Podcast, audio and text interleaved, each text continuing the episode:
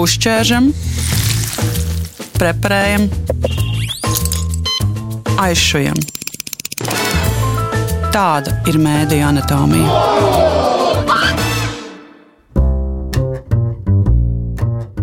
Oksfordas Universitātes paspārnē strādājošais Reuters žurnālistikas pētījuma institūts katru gadu veids pasaulē lielāko pētījumu par cilvēku ziņu lietošanas paradumiem, kā arī par mēdīju darba izmaiņām.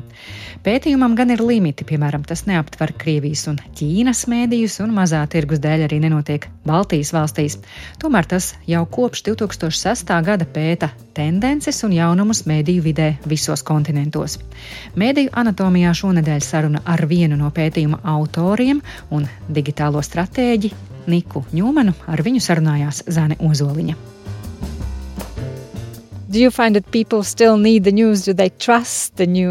Vai jūs redzat, ka cilvēkiem joprojām vajadzīgas ziņas, vai viņi uzticas ziņām? I think that journalists Manuprāt, žurnālisti, skatoties, kas notiek pasaulē un redzot politisko un ekonomisko nestabilitāti, redz, ka žurnālistika šobrīd ir tik svarīga kā nekad agrāk. Bet tas, ko uzrāda mūsu auditorijas pētījums, daudzi cilvēki novēršas no ziņām, vai nu pilnībā atslēdzoties un pieslēdzoties tām ļoti reti, vai speciāli izvairoties no konkrētiem tematiem. Daļēji tas ir tāpēc, ka ziņas viņiem liek justies nomāktiem. Pēdējo piecu gadu laikā mēs novērojam arvien mazāku ziņu patēriņu. Recently, there was an alarming article on the New York Times, which has... Nesen New York Times publicēja rakstu ar datiem par visām vēlēšanām, kas pasaulē notiks šogad, un norādīja, ka tās mainīs pasauli, ka mēs nākamgad pamodīsimies citādākā pasaulē, jo aptuveni 25% pasaules iedzīvotāji piedalīsies vēlēšanās. Vai šīs liela mēroga vēlēšanas ASV un Eiropā ietekmēs to, kā mēdīji strādā un kā cilvēki skatās uz ziņām? Yes, I mean, there's been a lot written about this because Jā, par šo runā daudz, jo tiešām notiks aptuveni 40 tiešām nozīmīgas vēlēšanas. ASV, Indijā, Indonēzijā, Eiropas vēlēšanas būs tiešām interesanti, jo mūsu pētījums uzrāda, ka samazinās cilvēku interese par politiku. Cilvēki jūt, ka politika un politiķu darbs uz viņiem neatiecas, un ka nacionālie politiķi neko nevar mainīt tādos lielos jautājumos kā klimata pārmaiņas, ka viņiem ir mazāk varas, kā mēs domājām. Būs būs interesanti vērot, vai šīs vēlēšanas stimulēs šo interesi. Parasti mēs novērojam, ka vēlēšanu laikā cilvēki izrāda interesi par to, kas notiek, un interesējas, kurš uzvarēs, bet tagad daudzi jaunieši saka, ka tas nav saistīts ar manu dzīvi, lai kurš uzvarēs, viņi man nepalīdzēs. Šī bezvaras, bezpalīdzības sajūta ir izaicinājums politiķiem, jo viņi zaudē saikni ar daļu no vēlētājiem bet tas arī ir izaicinājums medijiem, jo viņu loma ir būt daļai no šī demokrātijas procesa. Viņiem jāpalīdz cilvēkiem saprast, kādas ir viņu izvēles iespējas. Tā ir viena no būtiskākajām mēdīju lomām. Es teiktu, tā ir eksistenciāla loma. Do you see there's a, a part um, of that Kāda ir Ukrainas kara un kara tuvajos austrumos ietekme? Es zinu, ka Baltijas valstis nav iekļautas jūsu pētījumā, bet mums arī ir jūtams šis ziņu nogurums lielā mērā par Ukrainas karu. Mēs ļoti sekojām ziņām kara sākumā, bet tagad cilvēki ir noguruši arī jūt savu bezspēcību un izslēdz ziņas. Vienmēr jau ir bijis grūti uzturēt uzmanību ilgstošiem stāstiem. Sākumā to izdarīt ir vieglāk, kad ziņas ir kas jauns un citādāks, bet kad ziņas maļas un maļas un tām nekāda risinājuma, tad cilvēki jūtas bezspēcīgi un bieži novēršas no šādiem stāstiem. Ukraina un tagad arī tuvie austrumi ir daļa no tā. Mūsu pētījumā mēs redzējām, ka tiešām interesanti, ka cilvēki, kas dzīvo vistuvāk Ukrainai, patiesībā visvairāk izvairās no ziņām par Ukrainu. Manuprāt, tas daļēji skaidrojams ar to, ka mēdīji tajās valstīs joprojām daudz ziņo par Ukrainu, un tas nesaskan ar sabiedrības sajūtām. Tas nenozīmē, ka cilvēkiem neinteresē šīs ziņas, bet, ja tās ir visur, cilvēki sāk meklēt kaut ko citu, vairāk dažādības, cita veida stāstus, iemeslus domāt par kaut ko citu. Tā ir tikai dabiska cilvēku reakcija.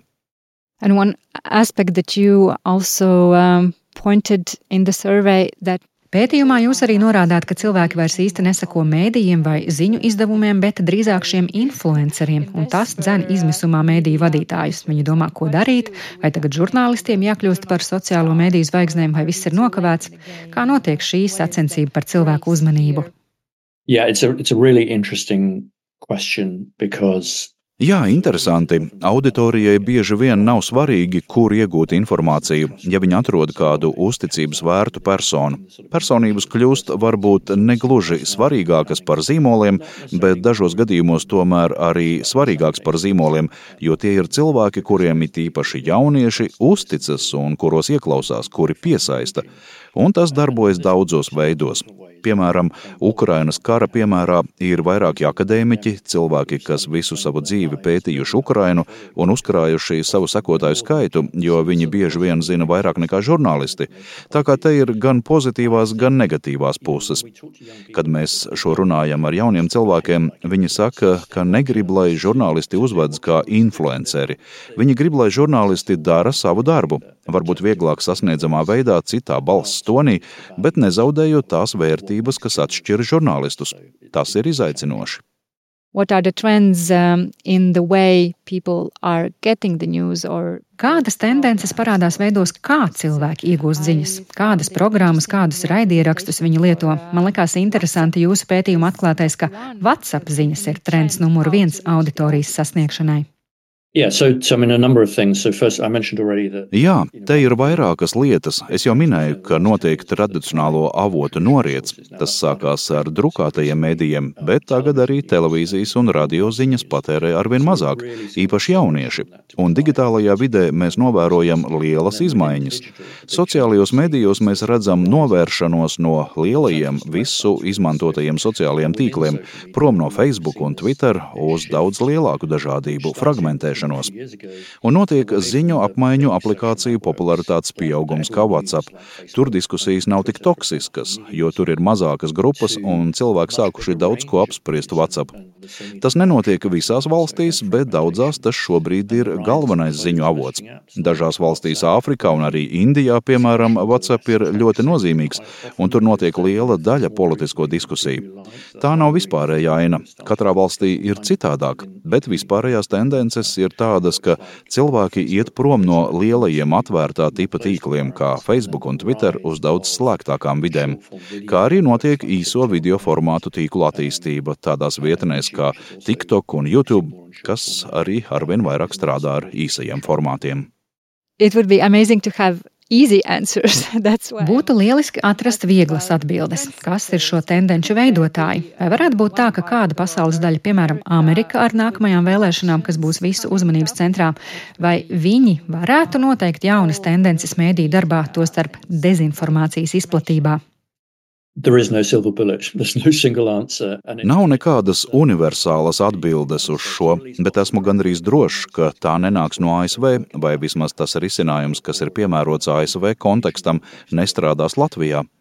Mēs varam daudz mācīties no ASV, jo tur notiek daudz inovācijas, attīstās mākslīgais intelekts un rodas daudzi biznesa modeļi, bet, godīgi sakot, īpaši mazajām valstīm drīzāk jāskatās uz Norvēģiju un Zviedriju un citām nelielām valstīm kurās ļoti attīstīta uzņēmējdarbība un kuras ir soli priekšā citiem, radot saturu ar mākslīgā intelekta palīdzību. Arī šo valstu biznesa modeļi ir piemēroti mazajām valstīm ar mazu tirgu. Of, uh, models, Runājot par biznesa modeļiem, vai joprojām var runāt par mēdījiem kā par veiksmīgiem ienākuma avotiem, tādiem, kuros ir vērts ieguldīt? I think I'd, uh, if you if you sort of take a historical perspective on this, Ja paskatās vēsturiski, ziņas nemaz nav vienmēr bijušas ienesīgas. Bieži vien tās bija tikai veids, kā cilvēki, kuriem bija vara, ar savu avīzi varēja iegūt lielāku ietekmi. Un tad sākās tā saucamais zelta laikmets, kad monopolistiem, kam piederēja gan drukātie mēdīji, gan distribūcijas kanāli, viņiem ziņas bija milzīgu peļņu nesošas. Arī televīzijas ziņas nesa peļņu. Un tad ieradās internets un radīja visu šo jauno konkurenci, ideju par brīvi bez maksas pieejamām ziņām. Mums bija šis milzīgais peļņas kritums lielākajā pasaules daļā. Tagad mēdīji mēģina atjaunot biznesa modeļus šai jaunajai pasaulē, šai pārpilnības pasaulē, lai spētu auditorijai radīt īpašu vērtību un pārdotu ziņas tieši patērētājiem ar abonēšanas maksām. Vai kādu kombināciju ar reklāmām, īpašiem notikumiem un vēl citām lietām. Un šajā modelī, piemēram, New York Times un lielie izdevēji ir veiksmīgi, un, manuprāt, šis ir nākotnes ceļš. Daudzas vecā tipa avīzes vidēji lieluma tirgos un vietējie mēdīji turpinās cīnīties par izdzīvošanu. Mēs neesam atraduši atbildes par to, kādi biznesa modeļi nākotnē būs neatkarīgai vietējai žurnālistikai. I have a Nedaudz personīgs jautājums. Jūs bijāt produktu attīstības vadītājs kādreiz BBC, un jūs bijāt tur tad, kad BBC veidoja savu ziņu lapu internetā. Vai varat salīdzināt šos divus pagrieziena punktus, kurā brīdī bija vieglāk paredzēt, kas notiks? It, it. Nākotni paredzēt ir grūti. Mēs palaidām BBC mājaslapu 1997. gadā. Lielākā daļa manu kolēģu toreiz domāja, ka esam traki, un tas nekad nestrādās, ka tas ir kaut kas īslaicīgs, un mēs nonāksim strupceļā. Vajadzēja aptuveni piecus gadus, lai pārējie kolēģi to uztvērtu nopietni un saprastu, ka digitālā pasaule būs svarīga nākotnes sastāvdaļa. Tagad, protams, narratīvs ir vispirms digitāls, vai pat šobrīd vārds digitāls nemaz netiek pieminēts, vienkārši pieņemts pats par sevi, ka radot lineāru video, tas pašā pamatā būs digitāls. 25 gadu laikā pasaule ir pilnībā mainījusies. Tomēr es domāju, ka ilgtermiņa tendences bieži vien ir daudz skaidrākas nekā mums šķiet. Piemēram, tiešie maksājumi, abonentu maksa kā svarīgs biznesa modelis, mobilais saturs būs arī liela mākslīgā intelekta ietekme. Mēs zinām, kas būs izaicinājumi, bet vajadzīgas nopietnas pārdomas, kā tos pārvarēt. Auditorija ir fragmentēta, un tās uzvedību ir grūti paredzēt. Vai jūs pētāt to, kā mākslīgais intelekts ietekmēs mēdīju biznesa modeļus? Jā, šo jautājumu man uzdod visbiežāk. Jebkurā mediju konferencē runā par to, kā mākslīgais intelekts visu mainīs. Manuprāt, mēs pārvērtējam ilgtermiņa ietekmi un pietiekami nenovērtējam īstermiņa ietekmi. Tas nenotiks tūlīt, tas notiks diezgan lēni. Cilvēkiem vajadzīgs laiks, lai pierastu pie šīm lietām bet tehnoloģija ir šeit un tagad, lai atļautu rakstīt rakstus jaunā veidā, lai izmantotu mākslīgo intelektu, lai veidotu kopsavilkumus, lai vienkāršotu producēšanas procesu. Mēdī jau izmanto šos rīkus, arī platformas mainīsies. Ikdienas lietotāji, vienkārši cilvēki to darīs ātrāk. Tāpēc mums būs šī sintētiskā satura plūdi daudz vispārīgāki, ietekmēs dezinformāciju. Un lielākā daļa no tā satura nenāks no mēdījiem, bet no parastiem cilvēkiem, kam ir pieeja šiem ļoti spēcīgajiem instrumentiem. You know, you mentioned the ordinary people that uh... Jūs minējāt parastos cilvēkus un to, ka mēdī nemainās pietiekami ātri. Varbūt žurnālistiem un mēdīju īpašniekiem jālīdzinās šiem parastajiem cilvēkiem, lai uzvarētu spēli. Think... Tas ir miks. Nav obligāti jābūt pirmajam, bet jāmiksē, kas ir atbilstošs tavai vīzijai un mantojumam, bet auditorijas uzvedība mainās ātri. Tradicionālie mēdīji šajā ziņā ir lēni. Kad mēs sākām BBC mājaslapu, mēs strādājām kā startups. Būtībā bijām 30 cilvēki bēniņos. Mums bija ļoti mazs kontakts ar pārējo BBC. Tas bija tīšām tā izveidots, lai mēs varētu izmainīt BBC kultūru. Citādi BBC radio un televīzijas kultūra būtu mūs pārņēmusi un nosmacējusi, iznīcinājusi. Mums bija jārada jauni veidi, kā stāstīt stāstus. Piecu gadu laikā mēs varējām būt digitāli radošie un pārkāpt visus likumus, un tikai tad to pieņēma pārējie. Un šī ir ļoti svarīga mācība. Dažreiz ir jāpārkāpj likumi un jāpieņem dažādi cilvēki, jārada lielāka dažādība darbinieku vidē, lai varētu īstenot nepieciešamās izmaiņas.